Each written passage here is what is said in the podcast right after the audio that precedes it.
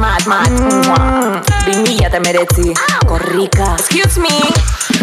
Eldu da guztion andereñoa Adi, adi pasatuko dut zerrenda.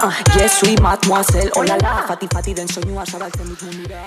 Atzo bastidan kilometro berezia bizi izan zuen korrikak. Euskararen normalizazioa eskatzeko konpromisoak berrestu zituzten berroeta mar gizarte eragilek hogeita bat korrikaren ekuadorean. Hogei garren korrikaren Santiago Zubiko kilometroaren hasitako dinamikaren urrengu urratza eman zuen atzokoan ba astidan. Hogeita bat garren edizio honetan, mila berreunda berroeta mabi kilometroan aurreko martxoaren hogeta iruan pasaiako albaola museoan hasitako aro berriari klika izeneko dinamikaren jarraipena izan da.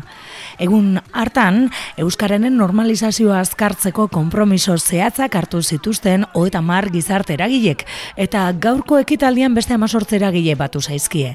Besteak beste, Nafarroako gobernuak, Iparraldeko Euskararen erakunde publikoak eta Eusko Jaurlaritzak. Ekitaldia eta gero, bertaratutako eragile guztiek elkarrekin mila berreunda bero eta mabigarren kilometroa batera korrika egin dute.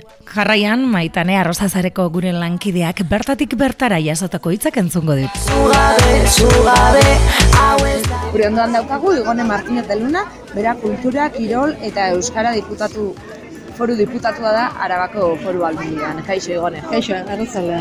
Zurekin gaude, oraintxe bertan egin duzuen ekitaldiaren arira, bai? E, elkarlan eredu bat proposatzen da, konpromisoetara salto egitea proposatzen da, eta honetan baitu aurrekariak Euskal Gintzan. Aipa genezake lehenengoa, ba, azkeneko korrikan, hogei garren korrikan Santiago Zubian egin zen kilometroan, Euskal Gintzak eta erakundek elkarrekin egin zuten. Ondoren Euskaraldia ere etorri zen, eta hor ere, e, ba, bueno, sustatu zen horlako elkarlana e, albaolako prentxaurrekoa ere izan genuen, eta horre hainbat erakundek eta hainbat gobernuz kanpoko erakundek ere bai, sinatu zenuten e, zeuen konpromisua Euskararen alde, Euskara bultzatzeko. Horentxe bertan entzun dugune ekitaldian, aipatzen zen Euskaraldian, ba, norbanakoek e, e, hartzen zutela konpromisoa, korrikan ere klika dugu e, leloa, bai, klika egiteko aroa dela aldarrikatzen du nola bai, baina ekitaldian horretaz gain ai- ai- aipatzen zen norbanakoen konpromiso esaratago erakundeek ere e, lan egin dutela eta konpromisoak e, hartu behar dituztela hizkuntza eskubideak bete daitezen. Ze iruditzen zaizu zergatik da garrantzitsua elkarlan eredu hau. Bueno, ba, erakunde hon aldetik, aldetik, e, asfalditik, e, batez ere legealdi honetan, geha lanean, e, Euskara bultzatzeko herrialde guztietan. Argi geneukan, hori zela hemendik aurrerako lana, apostua, bete beharra, eta zentzu horretan, ba, Arabako foru aldundia oso pozik dago, erakunde guztien artean daukagun eh, sintonia, ez bakarrik erakundeen artean, baita ere Euskalgintzarekin lortutako akordioak ere oso garrantzitsuak dira, ze azken batean e, Euskara aterako da garaino. Oso ondo, ba, bueno, orain etxerako lan ez galdetuko dizut. E, gaur e, bastidan e, konpromiso batzuk sinatu ditu foru Arabako foru aldundiak.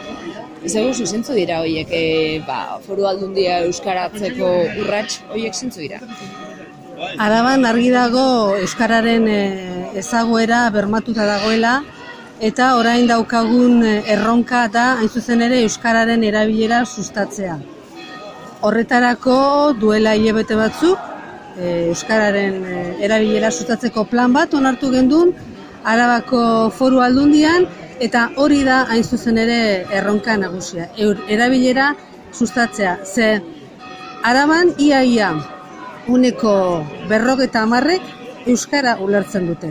Beraz, aurrera pauso eman behar da, eta aurrera pauso hori argi eta garbi daukagu dela Euskararen erabilera sustatzea, hainbat lerrotan, batez ere gazteengan, beraz, e, kirolean, aisialdian, kulturan egin behar dugu aurrera pausu importantea, baina hortik dijoaz gehien bat gure lan hildoak. Eskerrik asko gurekin egoteagatik, igone. Uste dut orain korrika egin behar duzuela, ez da? Da, Kilometro daukazue, beraz, animo Mila eta laster arte. Eskerrik asko zuei, klika! Nafarroa eta Iparraldea zeharkatuta, araban egon zen atzoko egun osoa korrika eta gaur bizkaiara zartuko da. Edizio honetan lehenengo aldiz. Apirilaren amalauan, amaituko da gazte izen.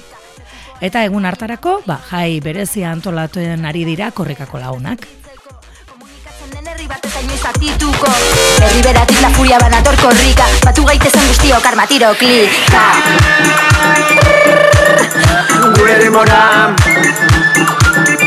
Nire, zure, gure ritmora Klika, korrika, klika Gure ritmora Klika, korrika, klika Gure Klika, korrika, klika Gure Klika, korrika, klika Korrika, korrika, korrika